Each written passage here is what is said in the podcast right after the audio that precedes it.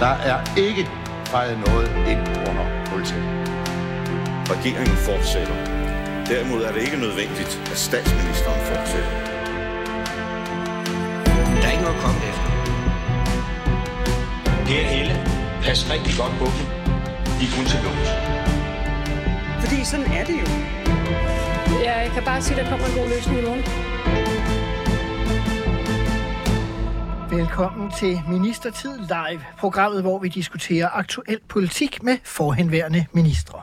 I dag skal vi tale videre om sagen om forurenet jord i Randers, eller måske mere de politiske reaktioner og følgevirkninger. Liberal Alliances formand Alex Vandomslag har advaret om splid og hårde ord i den offentlige debat. Troslund Poulsen vil gerne genåbne folkeskoleforliget, og Socialdemokratens Frederik Vad advarer om herskerattitude blandt indvandrere og For, udlændinge. forsvarsforlidet. Fair nok. Til at gøre os klogere på det hele, har jeg besøg af to tidligere ministre. Den ene har I allerede hørt, Anne Birgitte Lundholdt, øh, forhenværende energi- og industriminister for de konservative. Velkommen til dig. Tak. Hvad siger jeg, forsknings, eller hvad? Du sagde, du sagde skole, folkeskoleforliget. Nå ja, okay. Men øh, han har jo været minister for det meste, Troels Lund Poulsen. Har- Var han ikke også undervisningsminister i en ganske kort periode? Ja. Og nu hørte vi også den anden af gæsterne, Ole Birk Olesen, forhenværende transport-, bygnings- og boligminister, Liberal Alliance. Velkommen også til dig. Tak. Mit navn er Simon Emil Amitsbøl Bille, og jeg er din vært på Ministertid Live. Inden vi går i gang med disse emner, så skal vi lige dvæle lidt ved, at der i går var valg. Ikke et øh, klassisk folketingsvalg, men skolevalg. Og Ole Birk Olesen øh, når fødderne stadig øh, ned til gulvet, fordi I fik jo et øh, helt fantastisk øh, resultat i Liberal Alliance. 30,1 procent af stemmerne.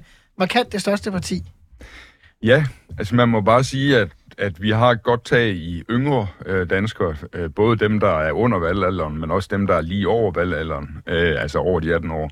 Øh, de kan godt lide Liberal Alliance for øjeblikket, øh, og øh, så må vi gå, altså så har Liberal Alliances Ungdom selvfølgelig også gjort en stor indsats og været til stede på mange debatter og gjort det godt på de debatter øh, under skolevalget. Det betyder også noget i skolevalget om om et parti kan stille med en repræsentant, eller om et parti ikke kan stille med en repræsentant. Men det er jo ret interessant, fordi øh, to andre partier, som øh, virkelig øh, gør det godt i meningsmålinger, det er SF og til dels øh, Enhedslisten. Og hvis man ser på deres landsresultater, altså SF, som øh, konkurrerer med jer, vil nærmest om at være det næststørste parti i meningsmålingerne, de er helt nede på 5,6 procent. Enhedslisten klarer sig så lidt bedre med 7 procent. Men de får ligesom ikke et ryk ind til sådan et skolevalg, øh, der smitter af for deres generelle opbakning i befolkningen.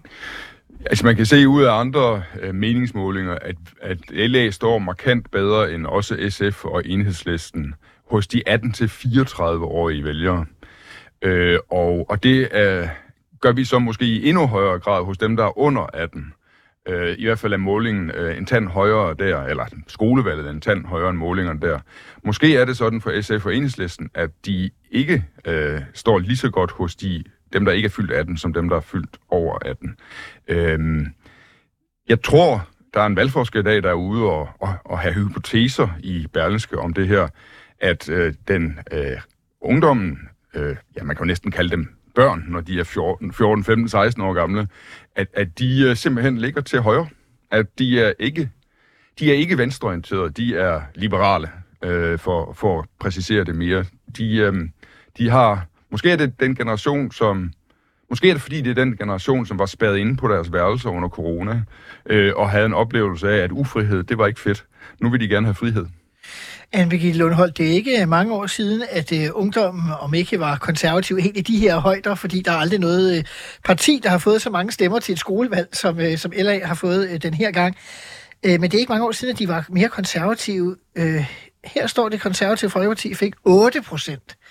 Uh, hvorfor mister I taget i de unge, ting? Ah, Jamen, altså først vil jeg jo godt sige tillykke til Liberal Alliance og den kampagne, der har kørt, fordi øh, den har jeg af andre grunde også fulgt lidt tæt på, og den har kørt rigtig, rigtig flot.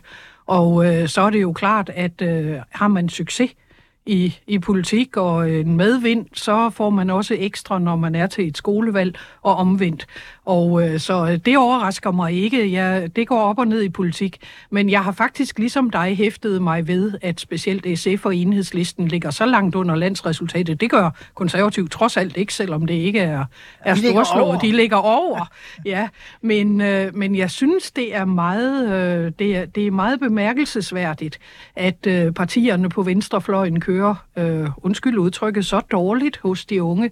Jeg kan selvfølgelig fryde mig med min politiske indstilling, at, øh, at det er sådan, og håbe, at, at det også er et tegn på, at det smitter af opad i, øh, i, i, den, i det danske folketing, når vi kommer lidt længere frem. Det vil jeg da håbe. Så det er i hvert fald i stærk kontrast til den øh, fortælling, som nogle kommentatorer og debattører osv. har ude i den offentlige debat om, at de unge er sådan og sådan. Og det, der så siges derude, det er, at de unge er sådan nogen, der er utrygge ved livet. Øh, de er, øh, mangler trivsel. Øh, de synes, at samfundet er for hårdt, øh, for utrygt, for konkurrencepræget. Og de er bange for, at jorden går under på grund af klima øh, og andre øh, globale katastrofer. Øh, hvis det var, de unge var sådan, hvis det var en trend blandt de unge, så ville de ikke i så stor grad tilslutte sig Liberal Alliance, fordi Liberal Alliance øh, siger, ja selvfølgelig, der er klimaproblemer, vi skal løse dem, men gør det på en mere optimistisk måde og sige, vi skal nok, vi er schaffen das, uh, vi skal nok, vi skal nok finde ud af rent det. Vi skal nok finde ud af det her. Øhm, vi træffer nogle kloge beslutninger, og så når vi hen et bedre sted. Og det der med, at man øh, har det dårligt personligt, der er budskabet fra Liberal Alliance, at det handler om, at man skal prøve at se ind i sig selv og prøve at finde ud af, hvad det er, der ikke foregår. Det handler ikke om, at der ikke er gratis psykologer fra det offentlige. Men tror du virkelig, at de unge har tænkt det så øh, gennemført? Altså man kan sige to ting. Et, det med dem, der ikke trives, kan jo bare være et større mindretal, end det var tidligere. På den måde kan det jo godt være en stigende tendens. Ja, ja, det kan det klart. flertallet. Det er rigtigt. Øh, den anden ting, jeg tænker, det er, det kan jo godt være, at de kan lide øh, Liberal Alliance på grund af nogle bestemte ting. Det kan være, fordi øh, Alex Vanderslag er populær. Det kan være, fordi de godt kan lide jeres skattepolitik, eller jeres øh, forsvarspolitik, eller hvad det kunne være. Jamen, det, det, det, er det er at formentlig også sådan nogle ting. Men jeg tror også, det, er, det handler om det her med, er man grundlæggende tryg ved tilværelsen? Tror man, at der er en vej frem, hvor man kan opnå noget af det, man gerne vil? Er man optimistisk på egne vegne? Men tænker du, at borgerlige er mere trygge på egne, vej, øh, på egne vegne end venstreorienterede? Uh, ja, det er det, der fremgår meget klart, når man taler med liberale unge og venstreorienterede unge. De liberale unge siger, uh, tror på, at de har en stor plads i fremtiden, mens de mere venstreorienterede unge giver udtryk for en frygt for fremtiden. Så, så, og, og den frygt for fremtiden er åbenbart ikke særlig stor hos uh, skoleeleverne. Når I så får færre og færre vælgere, jo ældre folk bliver, det er så fordi, at når folk bliver skuffet over, at de ikke fik den store plads, så Ja, det op tror jeg er en del, delvis forklaring. Der er nogen, der, der i deres ungdom er meget overbevist om, at de er Guds gave til menneskeheden, og vil, den Så stemmer de på jer. og vil opnå store ting i livet. Og så efterhånden så finder de ud af, at de er nok mere normale, end de havde forventet, og øh, så store ting er de ikke bestemt for. Er vi Altså, nej, men jeg ville egentlig gerne se det øh, som et positivt signal, sådan på lidt mere generelt plan, og sige, at jeg tror simpelthen også, at uh, unge mennesker, og det kan man jo se af det her, er, er trætte af, af formaninger og folk, der skal bestemme for dem, og godt kan se problemerne, for jeg tror ikke, de underkender miljøproblemerne eller de andre store problemer. De mener bare, der er en anden måde at løse dem på, det vil sige, der også er en borgerlig og en liberal tilgang til at løse de problemer, og at man derfor går med over på den side. Det er jo set før, at det er jo gået op og ned for alle, ikke? Og øh, jeg håber jo bare, at tendensen holder, ikke at, ikke at der ikke kommer et mere ligevægt i de blå partier, men jeg håber, at tendensen holder på, at der kommer det skred mod, øh, mod borgerlig tankegang. Under alle omstændigheder er det jo tankevækkende. Jeg tror, det radikale venstre er det eneste af partierne i det, man vil kalde rød blok, der ligger over deres niveau i meningsmåling. ja, præcis. Det lagde jeg også det er, mærke til. Det er tankevækkende. Ja.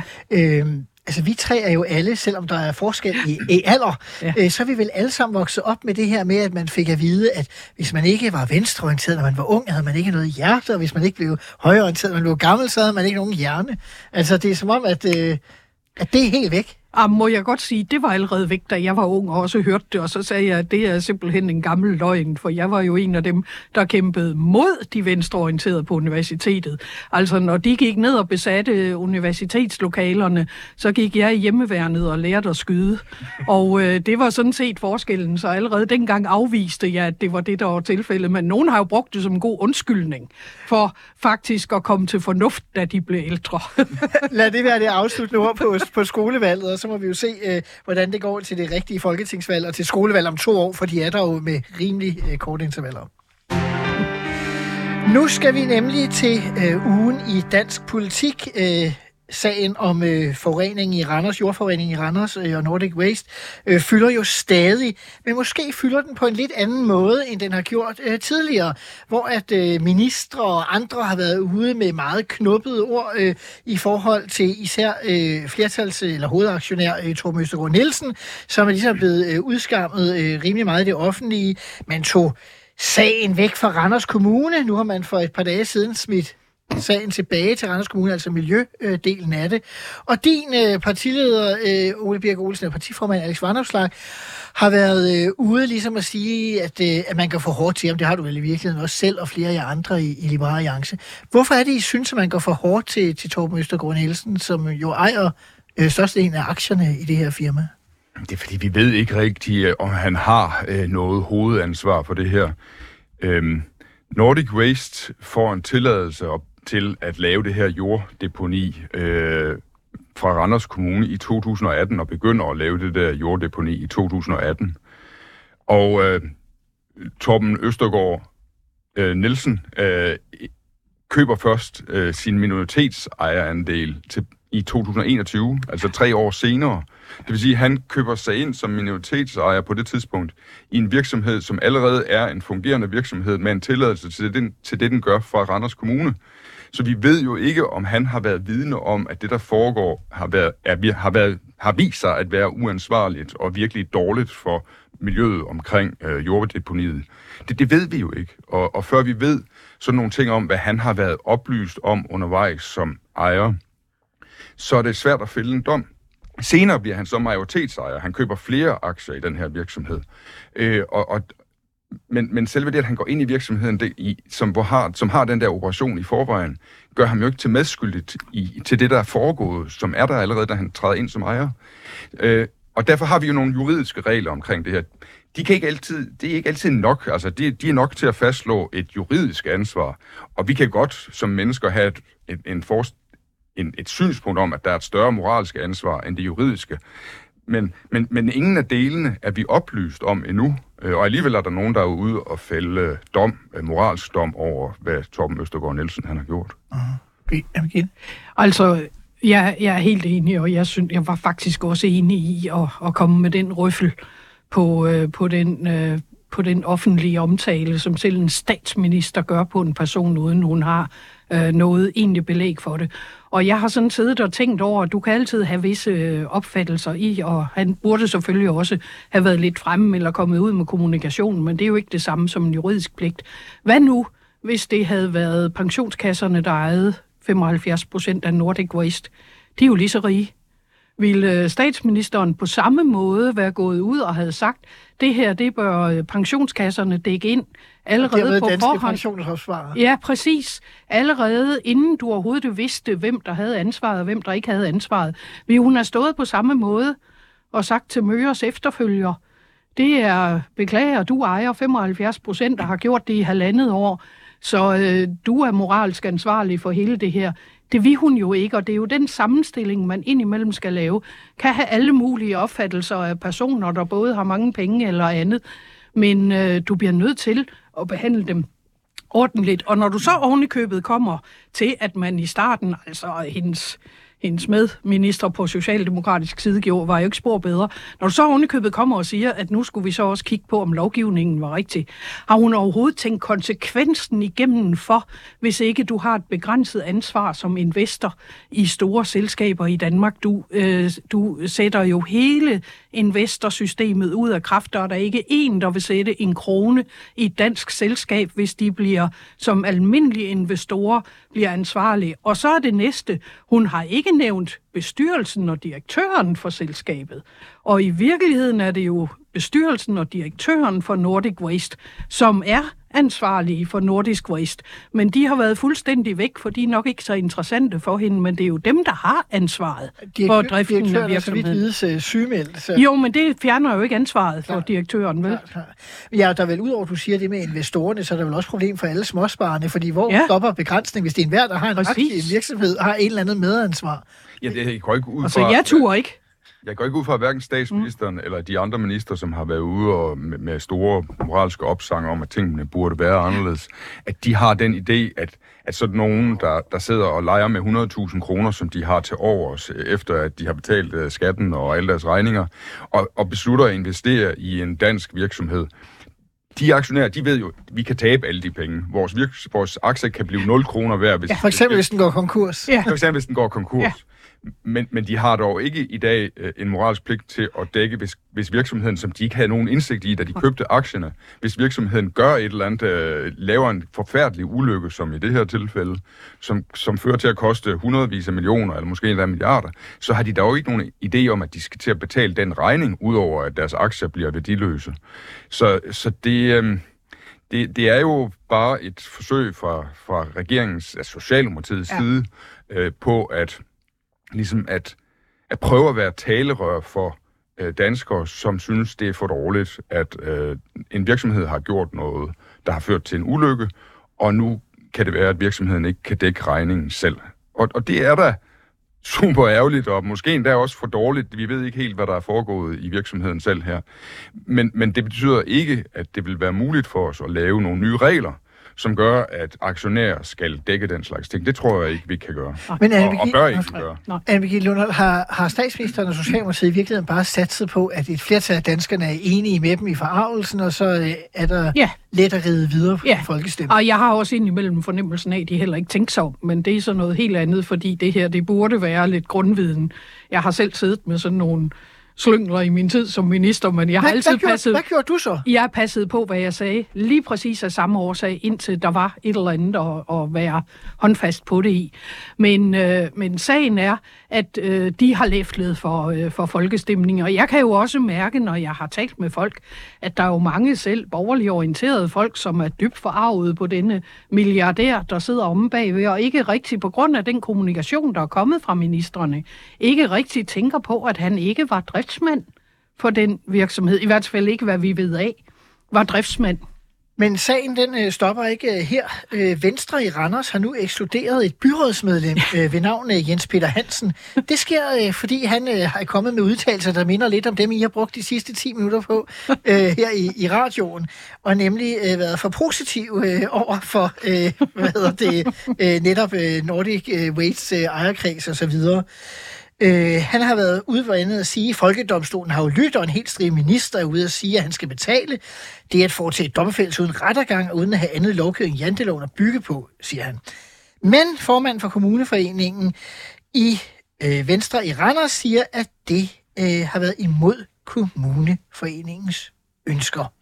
Jens Peter Hansen er jo også formand for øh, Cyklistforbundet øh, på landsplan med at være byrådsmedlem i Randers, og jeg så blandt andet på øh, det sociale medie X, tidligere kendt som Twitter, at øh, Søren Pind og andre øh, sådan vel fremtrædende venstrefolk var ude og sige sådan lidt, kan man nu også blive ekskluderet, fordi man har et andet synspunkt på en eller anden øh, sag, uden at man egentlig har, har Og skadet de, partiet. de, har også, de har også været inde og modereret det i dag og sagt, at det ikke kun skyldes det, men det skyldes langvarige samarbejdsproblemer. Men øh, jeg har ikke sat mig videre dybere ind i det. Jeg undrede mig også over, at, øh, at der var blevet sket en eksklusion på det grundlag.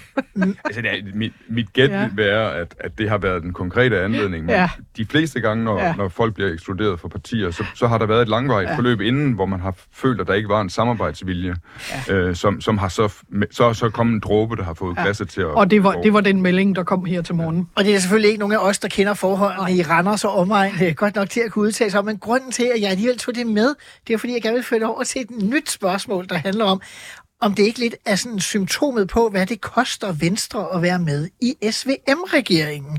Fordi hvis ikke Venstre havde været med i den regering, havde det, øh, den pågældende havde sagt, så ikke været det venstrefolk fra højre til venstre havde udtalt.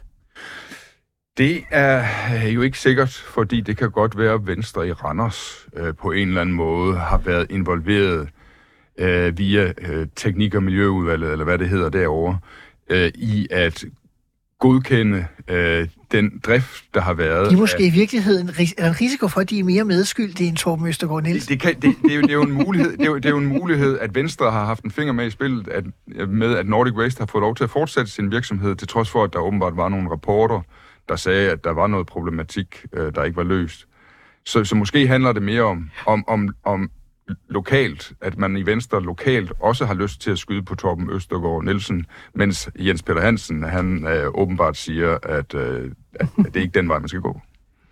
Og, og jeg vil sige, at øh, lige præcis når det drejer sig om kommunale spørgsmål, så er Venstre og Socialdemokratiet jo ofte i, i seng oh, Nej, det sagde jeg ikke. Så er de ofte i, i samme suppe, fordi Præcis de, øh, og, og derfor er jeg heller ikke sikker på, at de havde sagt anderledes, men jeg tror, at der er en del venstrefolk, der gerne ville have sagt anderledes bagved. Vi lader Randers være Randers, men jeg vil advare lytterne om, at vi sikkert kommer til at vende tilbage øh, til den øh, sag i de kommende måneder. Øh, jeg nævnte kort, at øh, Liberal Alliances formand Alex Vanderslag øh, har givet et interview til Berlingske Tidene, som det sikkert er mange af lytterne bekendt. Overskriften hed, Alex Vanderslag slår alarm, stormen mod milliardær, og Katrine Dias afslører et hævngærigt samfund i blodrus. Og han øh, advarer i generelle vendinger om, at han er sådan bange for, at øh, der er for meget øh, splid øh, øh, i debatten, og hvad betyder det sådan for samfundet? Det er en dybt bekymrende tendens i vores samfund. Øh, han bliver også lidt spurgt til sidst, om han ikke selv har været medskyldig i noget lignende. Altså sådan, er det ikke en meget svær øh, ting at føre ud i praksis, øh, hvis nu hele partiet skal til at leve op til det indtil jul, Birk Olsen? Jo, det er vi sådan set også øh, klar over, at øh, når, når Alex siger sådan nogle ting, øh, så stiller det også større krav til os øh, fremover. At vi skal, det skal jo ikke være sådan, at, at folk kan sige, øh, jamen det som Alex kritiserede øh, for et halvt år siden, det gør I selv i stor stil i dag. Øh, så han sætter jo nogle, en moralsk bare, øh, både for andre, men også for os selv. Øh, som Ja, altså skal- for alle 15 folketingsmedlemmer af Liberal Alliances folketingsgruppe. det er rigtigt. Uh, i, altså selvfølgelig i højere grad for sig selv end for alle andre, men også for os andre. Uh, der vil nok være større forståelse, hvis I andre kommer til at overskride den her uh, moralske grænse, end hvis Alex selv gør det. Men, men, men vi bliver også ramt af den. Men Alex har den der ting, at han ser nogle tendenser i tiden, som er sådan ligesom før politiske eller over det politiske, og har en lyst til at kommentere på dem. For eksempel øh, det her, at han ser ud i debat Danmark, øh, at, og især på sociale medier, at det der med at falde over hinanden i forarvelse og frode over, at nogen har gjort noget galt, at det øh, er sådan en slags øh, hævngærighed og en, øh, en lyst til, at, at dem, der er, man kender fra medierne, de skal ned med nakken, altså Katrine Dies og øh, Torben Østergaard Nielsen og alle mulige andre, de skal ned med nakken, de der, fordi de er noget, øh, og de skal ikke tro, de er noget. Men er det nyt? Altså, det, sådan har det da været i 5-10 år. Det fylder mere, tror jeg. Øh, Jeg så en forklaring fra øh, Markus Stolze, som er kommunikationsekspert øh, i et af de byråer. Og tidligere ansat i Liberal Alliance, tror jeg vi Liberal Alliance, ja. som siger, øhm, der er meget store følelser i forarvelse. Og øh, meget store følelser fører på SoMe til, at man kommenterer på ting. Og algoritmerne på SoMe er sådan, at de ting, der bliver kommenteret meget på, De de bliver- bliver øh, blæst op, så andre også ser dem. Så man bliver belønnet for at være farvet. Ja, øh, og, øh, og øh, forarvelsen bliver belønnet med opmærksomhed på sociale medier, og derfor ser vi den nok mere. Jeg, du, jeg tror, du har ret i, at den har altid været der, og der er altid fyldt noget af de der, de skal også pilles ned, for de er blevet for højt på strå. Men det fylder mere i vores alles bevidsthed, fordi vi via sociale medier får set det, fordi deres algoritmer er sådan hos de sociale medier. Altså det der med moral i politik, for mig, er sådan, det, sådan, den første mindelse, jeg fik, det var sådan, øh, faktisk tilbage til, da du var aktiv i politik, øh, Anne Birgitte Lundhold, der fik vi en ny statsminister på et tidspunkt ind på Nyrup Rasmussen, der udnævnte, at 90'erne skulle blive moralens årti. øh, det fik jeg sådan lidt en reminiscens af, da jeg, Yes. da jeg havde læst det her. Jeg ved ikke, tænkte, tænkte du det samme? Ah, jeg vil sige, jeg har ikke sat det op her, men øh, I har jo ret i, at, at der har altid været en tendens til det, men det har jo været sværere at komme frem med det, fordi du har skulle sætte dig ned og skrive et læserbrev, og i min tid skulle man ovenkøbe sætte et frimærke på og forvente, det kom frem. Det gjorde det så også dengang. Og, øh, og samtidig så, øh, så havde man måske også... Øh, en, øh, hvis, man, øh, hvis man nu kigger tilbage, så kan man se, at sådan en som Glistrup, han lagde jo ikke fingrene imellem. Altså, han var jo, men han skulle så også ned med nakken, så vi skal jo tilbage til 70'erne, hvor tendensen allerede var der. Men øh, jeg bryder mig ikke om den i dag, og jeg er enig i, at, at det er de sociale medier, der er med til at fremme, at det her det er en god ting. Du får masser af klik på det, når du er negativ, og øh, så, så jeg synes, at, at det er fint, hvis man prøver at gå op med det. Jeg tror, det er svært for en aktiv politiker at komme med sådan et budskab. Jeg tror, det havde været nemmere, hvis det var folk, der ikke var inde i aktiv politik, der kom med budskabet, så, øh, så ville man diskutere det lidt mere. Men øh, jeg, jeg er ikke uenig. Men det kan jo også være, det kan jo også være at Alex øh, har et ønske om at binde sig selv til en mast. Mm. At, han, at han har et ønske om at være mere statsmandsagtig og mere overskudsagtig end end tidens politikere typisk er. Og ved at opsætte sådan nogle standarder, så er han tvunget til at overholde dem selv, øh, og dermed blive mere statsmandsagtig i sin og, og, og det slår, det slår hvis, hvis der bare kommer én fejl, ikke? Ja. ja, og jeg vil sige, altså, ja. det er der måske grund til, fordi øh, altså bare seks dage før han øh, giver det her interview til Berlingske Tidene, så har Ekstrabladet en artikel, der handler om, at øh, Alex har været ude og måtte slette et opslag, han havde skrevet om øh, statsminister Mette Frederiksen, øh, hvor han havde skrevet, åh, hvad er det nu for en stor skandale, øh, hvor vi har set nogen løbe for det moralske ansvar gemme sig bag, at man juridisk ikke havde ansvar. Nå ja, det var Mette Frederiksen i minkskandalen. Og så gik der ikke så lang tid, så slettede han ligesom øh, det. det. Jeg, jeg så godt, han skrev ja. det, så ikke han slettede. Jamen, det står der i hvert fald på, på Ekstrabladet, de kalder ham Slette Alex. Ja. Øh, men det var seks dage før, at interviewet i Berlingske Tidende bliver bragt. Øh, så, så, så er måske behov for, at man, man binder sig selv. Ah, nu skal man jo også passe på ikke at komme helt derned, fordi øh, diskussionen omkring ansvaret og Mink-sagen og Mette Frederiksen, den mener jeg overhovedet ikke kan køres op på de andre sager her, som vi sidder og taler om. Fordi der er jo en realitet. Der er jo også en realitet i, at to regeringspartier som øh, på forhånd havde gjort det ultimativt, at man skulle færdiggøre undersøgelserne mod Mette Frederiksen, at man så også giver ind på det.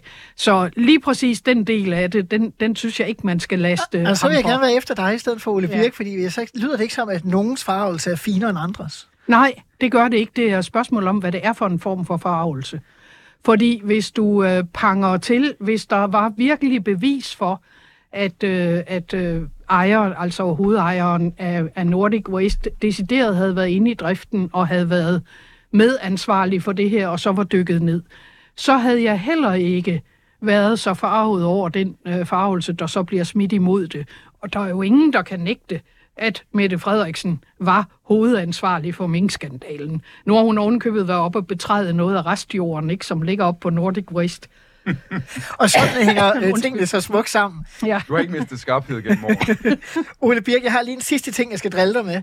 Øh, I går øh, på øh, det sociale medie X igen, øh, der øh, er der en reklame fra øh, Liberal Alliance, hvor der er et billede af jeres retsordfører Steffen Larsen med et citat, der hedder, Dansk politi må ikke vægte hensyn til muslimernes kultur over de danske retsprincipper.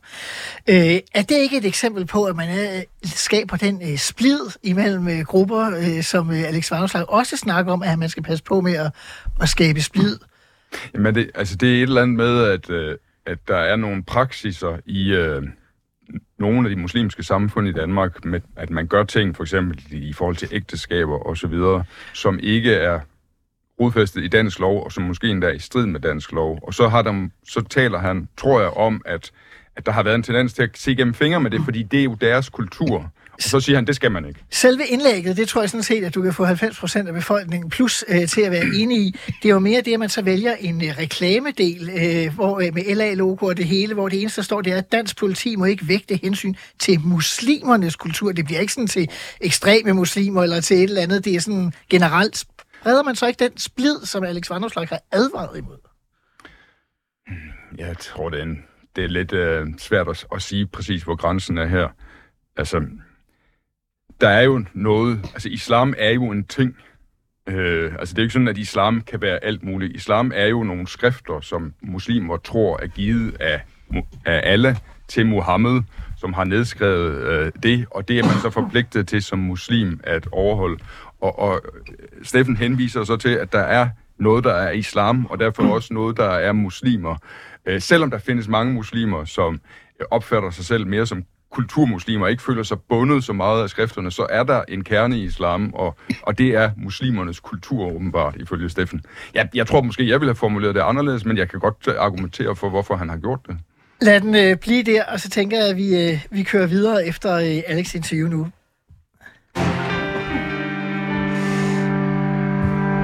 Vi øh, skal til forsvarspolitik, som Anne Birgitte Lundholdt var så øh, venlig at gøre mig opmærksom på i begyndelsen ja. af udsendelsen.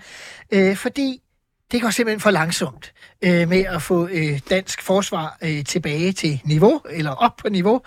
Øh, og derfor har forsvarsminister Troels Lund Poulsen sagt, at han gerne vil genåbne det historiske forsvarsforlig. Det gjorde han for nogle dage siden. Og jeg har set her til formiddag, har forlispartierne været ude og sige, at øh, det øh, vil de øh, også være med til. Altså, Ole Birk Olsen først. Hvorfor er det nødvendigt at gøre det hurtigere, end man hidtil har planlagt?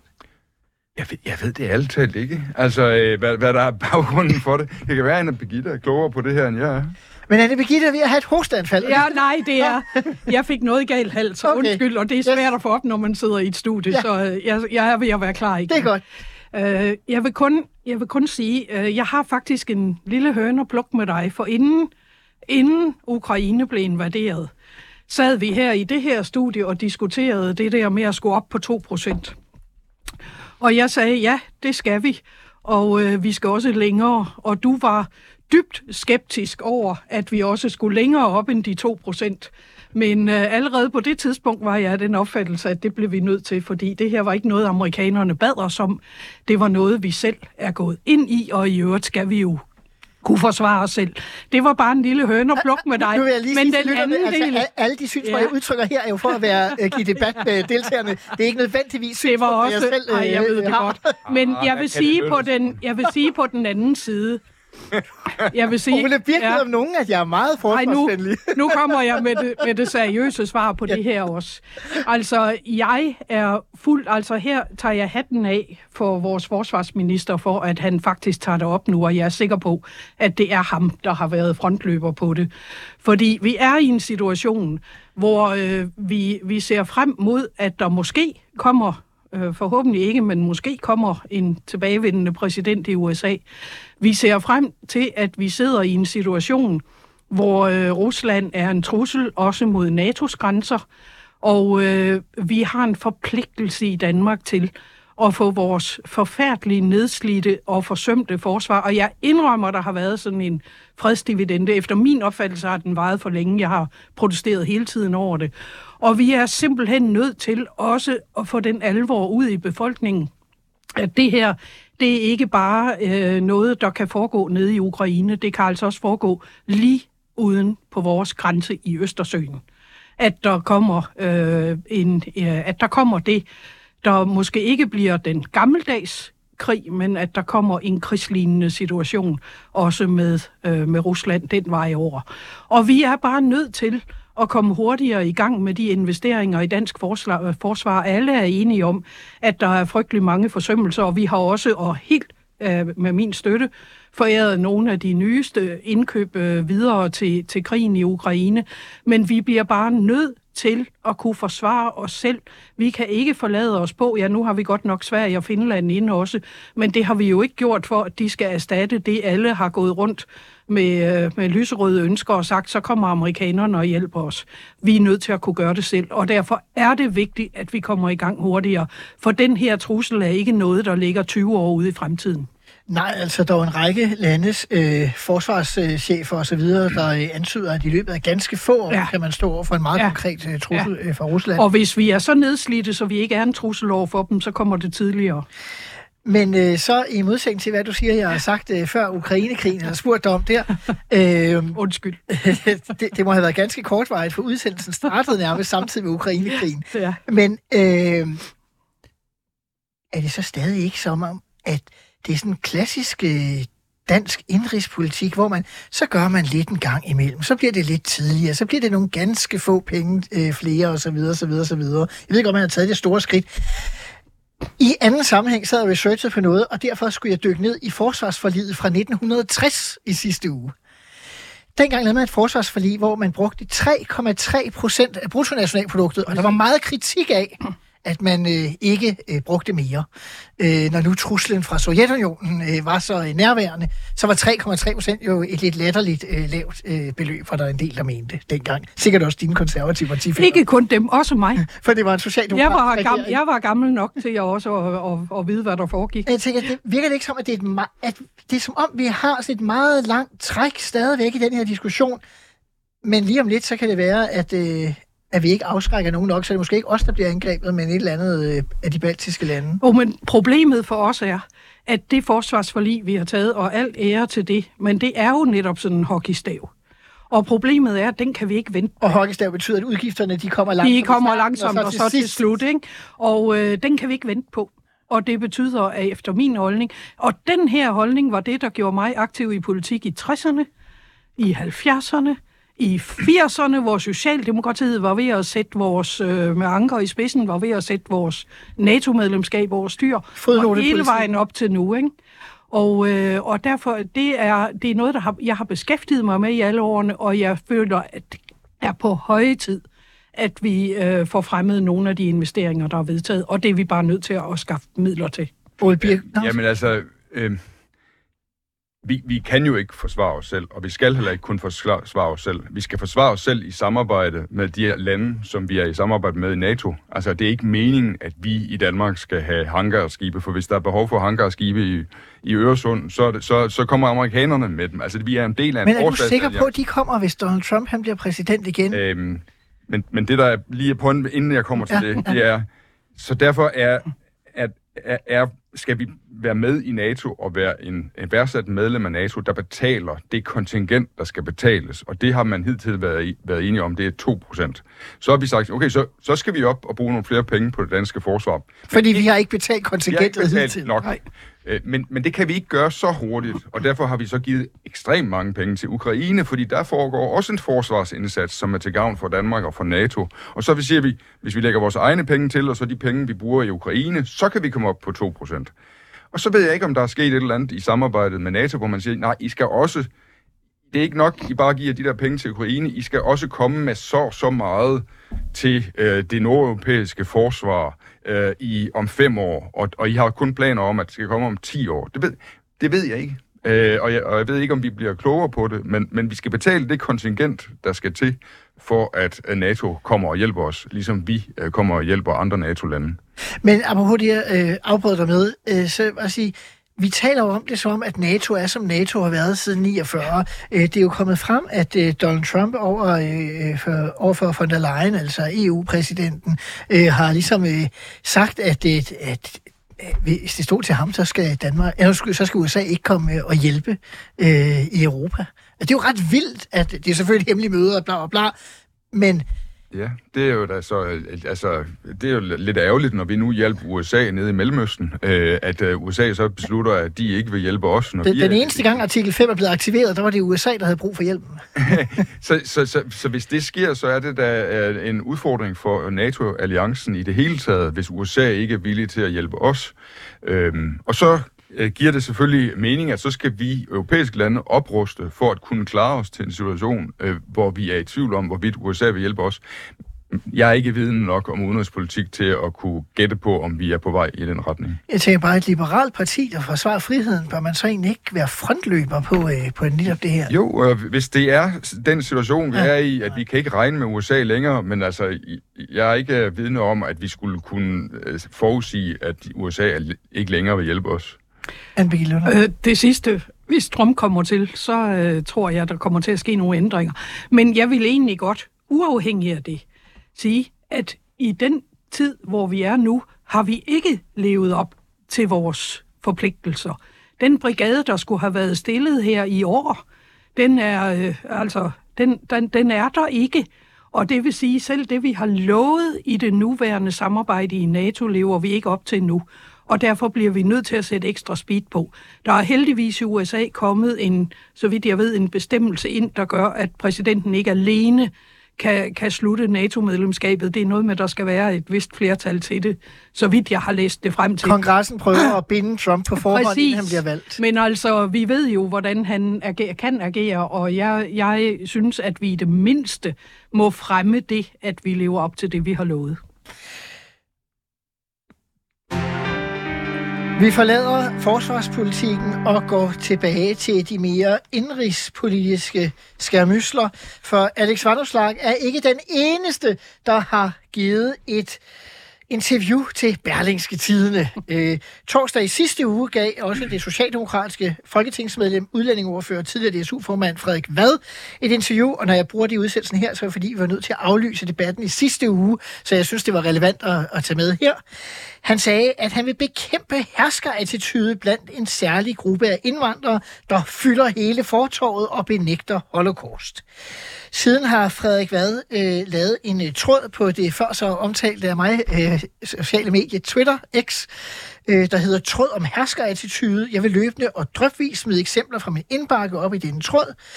Og øh, det er alle sammen eksempler, der er givet efter, at han har givet det her interview. Og der er øh, interview om øh, øh, homoseksuelle, der er blevet overfaldet. Der er interview om øh, unge drenge, der ikke vil være sammen med øh, øh, piger til en nytårskur, hvis ikke det er fordi, at de har tørklæder på. Der er en skolelærer, der fortæller om, at det, det er svært øh, i forhold til, til den her dominanskultur. Øh, kultur.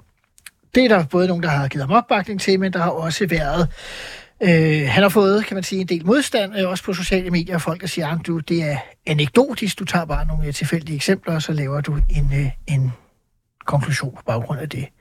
Ole Birk Olesen, er der et problem med en herskerattitude blandt udvalgte indvandrergrupper? Ja, det tror jeg, der helt åbenlyst er. Øhm, der, er, der trives i øh, muslimske øh, miljøer i Danmark en opfattelse af, at, at, at de lever i et os og dem samfund. Altså os inden for miljøet, os der har den rette religion osv., og, og dem udenfor, altså danskerne, som ikke...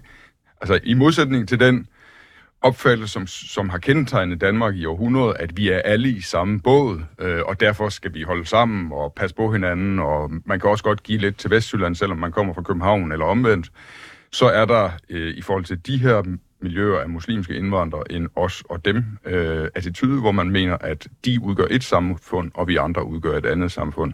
Og det kommer blandt andet til udtryk ved, at øh, unge mænd, der går rundt i byen om natten, de er ekstra bange, øh, når de møder grupper af indvandrermænd, fordi de ved, at der er en større sandsynlighed for, at det kommer til at gå amok, øh, hvis de støder ind i de forkerte, hvis det er grupper af indvandrermænd. Anne Lundholm, du sidder og ser alvorlig ud. Jamen, jeg synes også, det er alvorligt. Fordi øh, problemet er der. Jeg har lidt svært ved at se, øh, hvad han vil gøre ved det øh, på de opslag, han Hvad kan man gøre ved det? Ja, problemet er, at, øh, at, at det er jo alle mulige. Altså, det er jo også en aktivering af resten af det miljø, fordi jeg har jo ikke noget, jeg har ikke noget øh, imod øh, folk, der kommer fra den muslimske side, men jeg synes også, at man i det miljø øh, bør øh, tage fat internt også på at, at komme nogle af de ting her til livs. Altså, der bør være nogen i det miljø, som også tør sige fra og kan være med til at ændre det for nogle af dem, men det er jo ikke noget, du kan gøre sådan med et snap. Du gør jo ikke noget ulovligt i at stå på et fortov, men det er meget ubehageligt, men hvis... Øh, hvis du støder ind i det. Og, øh, og dertil jo selvfølgelig hele den der kvindesyn. Øh, altså det er jo at banke simpelthen øh, en stor dansk øh, gruppe kvinder tilbage til middelalderen i Danmark. Og her er det jo ikke kun et spørgsmål om kultur, det er jo også et spørgsmål om, at det er imod loven. Det er imod dansk lovgivning at diskriminere på den måde, så øh, man skal jo have fat i det der. Man skal ture. Jeg tror, der er for mange, der ikke tør tage fat. Men hvis det er, øh, også som Frederik Vade siger, at det er i dele af de muslimske ja, heldigvis kun dele. Ja, altså, tror du så i jeg, jeg har i hvert fald tænkt over, dem der så ikke er en del af det, har de så overhovedet noget særligt at gøre med de andre? Eller er der nogen, der ligesom er et parallelt samfund, og nogen, der ligesom er mere en del af det generelle danske samfund? Jamen det tror jeg, man, jeg tror, at nogle gange, øh, så har vi en tendens til at kun at sige, at de her problemer omfatter de højt råbende, imamerne, dem der kommer i moskeen hver eneste fredag osv. Det, altså problemet, problematikken omfatter også dem, der er enige med de højt råbende, men som ikke selv er højt råbende. Altså det er ikke... Øh, det, det, det, det, det er både dem, som jubler over 7. oktobers massakren i, øh, i Israel, øh, højlydt, men også dem, der sidder derhjemme og godt også ved fjernsynet, der udgør et problem. Og, og den debat her, jeg, nu spørger du, hvad, hvad kan man gøre ved det? Ja, man kan gøre forskellige ting, men, men jeg tror primært, den handler om, at vi hele tiden skal genbesøge, hvorfor er det egentlig, at vi har en stram asylpolitik til Danmark? Øh, jamen det er fordi, det, det kan føre til en række udfordringer, hvis man tager for mange fra den muslimske verden, som kommer via asylsystemet og familiesammenføring osv. til Danmark, i form af, at de øh, for en, en for stor del af dem opfører sig, som om de ikke er en del af det danske samfund, men som om de er i krig med det danske samfund. Øh, og, og så det, vi skal hele tiden minde os selv om, når det er derfor, vi har en stram øh, asylpolitik. Men er det ikke som, der er to søjler af problemer? Fordi et af, kan du sige, hele det med Israel, Palæstina og så videre, det er jo en meget sådan konkret øh, ting. Øh, jeg tænker, når en gruppe på 15, 18, 16-årige drenge, de øh, opfører sig på en dominerende måde på et fortog eller et natteliv eller sådan noget. Er det ikke noget andet, der er på spil der i virkeligheden? Altså nogle problemer i, i noget ungdomskultur, og deres forældre ikke øh, opdrager dem ordentligt og så videre. Altså, jeg tænker, Jamen, det tror jeg det også, det er. Ja. Jeg tror det også, det er. Men, men hvis, du, hvis du kommer ud af et, øh, et, et, et parallelt samfund, en, en ghetto, øh, hvor, hvor alle, der er der, også de voksne, de ligesom øh, i høj grad ligner hinanden. Og der der trives den opfattelse, at, at danskerne er nogle øh, forfærdelige nogen, øh, som drikker og øh, øh, øh horer og gør, altså sådan som der trives i, i, i muslimske øh, miljøer om, at danskerne lever hedonistisk, i stedet for, vi muslimer, vi lever øh, mere regelret og så videre. Øh, så, når de så kommer ud af det miljø, så opfører de sig også ude i verden, som om, at det danske samfund, med de danskere, som er der, ikke er noget værd, og egentlig heller ikke at deres respekt værd, og ikke, øh, man ikke skal opføre sig ordentligt over for dem. Og derfor har man også nogle historier om, at, at folk, der bliver udsat for ting, og, og, og, og dem, der bliver udsat for det, de går så t- tilbage i de her miljøer og siger til forældrene, de voksne, hvad, der, hvad sker der her? Og der ikke er nogen opbakning til at i, i rettesætte de unge, ja. når, de, når de går ud og gør ting, de ikke burde gøre. Er der også, nu har som jeg siger, der er jo også øh, en del på, øh, på sociale medier, som har været sådan meget imod øh, det initiativ, øh, Frederik Vad har taget i forhold øh, til det her. Øh, der er en del, der argumenterer med, at der også er nogle af tingene, for eksempel måske lige det, som jeg nævnte som eksempel, også kan have en eller anden form for social slagside, at hvis du tager underklassen, undskyld udtrykket, i Danmark, så vil du også se øh, flere, som har en aggressiv øh, dominanskultur, øh, der kommer fra de lavere sociale klasser. Her er de gamle danskere, end der vil være blandt folk fra middelklassen. Ja, og noget af problemet her skyldes også, at da de her øh, grupperinger fra den muslimske verden kom til Danmark, der blev de af sociale myndigheder i Danmark placeret ude i nogle velfærdsghettoer, hvor de danskere, de boede i nærheden af, var danskere med sociale problemer. Det var faktisk danskere, der havde alkoholproblemer. Det var faktisk danskere, hvis familier var i opløsning. Så deres møde med danskerne var med øh, den danske underklasse, som havde store sociale problemer. Og hvis de bruger det som afsæt for at vurdere, hvordan alle andre danskere er, så har de også fået et forkert indtryk af, hvordan vi danskere er. Anne Er der tid til en kort lille ting? Det er der. Jeg mødte på et tidspunkt i mit liv også en øh, tyrkisk kvinde, altså tyrkisk stammende kvinde, der var opvokset i Gjellerup, som øh, i dag arbejder i Tyrkiet øh, og er fuldt dansk. Og hun fortalte mig, og det var meget bevægende for mig, at i hele hendes tid, hvor hun var opvokset derude, hun følte, hun talte tyrkisk, ligesom en far til fire film taler dansk, for de havde ikke bevæget sig siden. Når hun havde besøgt bedsteforældrene ude på den anatolske højslette, så var det hele familien dækket til og det hele. Og nu øh, arbejdede hun i Istanbul, og konstaterede, at hun mødte alle sine fædre og kusiner. De gik i højhælede sko, de havde make på, de havde kærester, og de drak spiritus. Og øh, det gik op for hende, at hendes, øh, hendes kultur bare var gået i stå, da hendes familie var kommet til Gellerup en gang i 70'erne. Men det... Og det synes jeg var øh, det var virkelig sådan en, øh, altså hun var meget ærlig, og det var virkelig sådan en oplysning for mig også om, at øh, hvad vi godt vidste, men hun erkendte det, og det er jo sådan nogen, vi skal have flere af, der kommer ud og erkende, at vi er gået i stå i vores egen kultur. Det er vel sådan en udvandrerproblematik. Ja, det er det. Ikke? Og den havde danskerne jo sikkert også, da vi udvandrede til USA. Her er det bare blevet værre. Der, hvor jeg ser forskellen og grunden til, at det, vi, vi må tage det alvorligt og også sige, at, at det også har en kulturel baggrund lige præcis med det, det er jo, at jeg er boomer nok til, at jeg har jo oplevet flygtninge fra mange steder. Sydamerika, Vietnam, øh, Kosovo i sin tid. Og de er jo alle sammen fuldt integreret. Altså, du har ikke oplevet de samme problemer. Det er øh, en kulturel baggrund, som gør, at der skal tages ekstra hånd om dem. Og det, der forskrækkede mig en gang, det var også, at socialrådgiverne, vi spurgte, hvad, hvad er det, I siger, når der kommer flygtninge. Det første, de gør, det er at fortælle dem, hvordan de får offentlige ydelser. Ja, der er to ting øh, til det. For, Og det er jo, det er jo et problem. for, det, for det første jeg bare fortælle jer en lidt Ja. ja. skør anekdote. Jeg har engang øh, været i Japan med Folketingets retsudvalg, og der sad vi og hørte på de her japanere, som så startede med at sige, alle ved jo godt, at der er særlige kulturelle udfordringer med katolikker, fordi de havde store problemer med sydamerikanske kriminelle.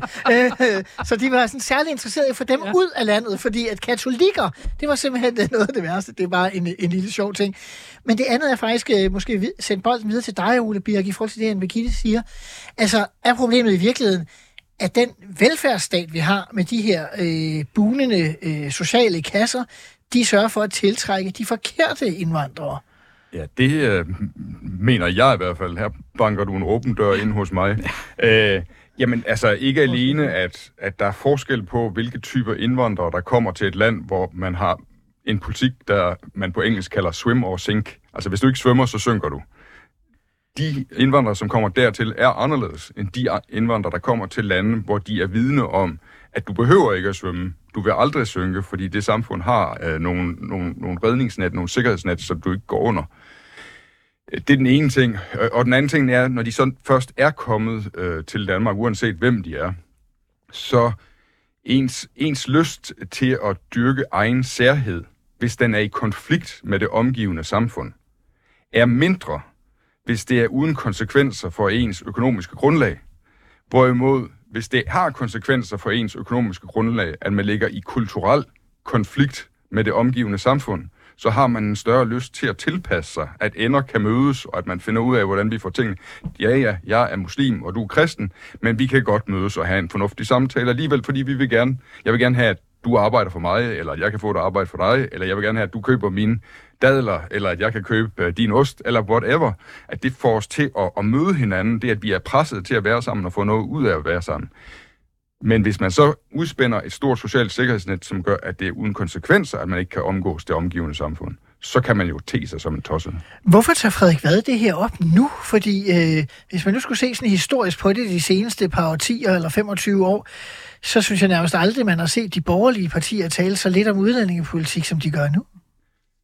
Jeg, jeg tror, han går op i det, og så synes han samtidig, at det er øh, en god måde at markere sig selv på. Han er en ung øh, socialdemokrat, der kom ind i Folketinget i øh, november 2022, og han er i gang med at, at, at komme frem i dansk politik, og det her er en af måderne, han gør det på. Men jeg tror, han mener det. Altså, Men du tror ikke, han er blevet bedt om det af Mette Frederiksen for at, at sørge for at fastholde? jeg, jeg, Vælgere. jeg tror, han taler mere med Kåre Dybved, end han taler med Mette Frederiksen. Altså, de to er jo fra Holbæk-egnen, begge to, og de, De holder er vist ja, begge hinanden. to fra Vipperød. Ja, de holder vist meget hånd med hinanden, tror jeg. Se, det var interne informationer, jeg ikke havde lagt mærke til. Og jeg tænker, at det bliver den interne information, som vi øh, slutter øh, øh, dagens debat med her.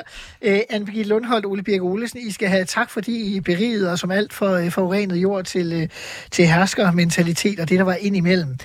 Øh, vi er ved at være i slutningen af programmet her. Jeg skal sige, at i næste uge øh, er jeg tilbage igen med en ny omgang Ministertid Live, hvor vi tager aktuelle, op, aktuelle emner op med forhenværende ministre. Og på søndag er jeg klar med det, der hedder Ministertid Special, hvor jeg har besøg af den forhenværende Cepos-direktør Martin Aarup, der på mandag øh, kommer med en ny bog. I den uddeler han øh, håndmadder øh, til øh, borgerlige ministre fra Erik Eriksen og til Troels Lund Poulsen. Det skal dog siges, at han giver faktisk ikke håndmad til Erik Eriksen, for ham er han ret vild med. Men øh, der er ikke så mange, han er vild med, og der er også en enkelt, han fortæller, han slet ikke ser som borgerlig, som sidder som leder af et borgerligt parti på Christiansborg i dag. Så hør med på søndag, når Martin Aarup og jeg diskuterer borgerlighed hos borgerlige ministre de seneste 75 år.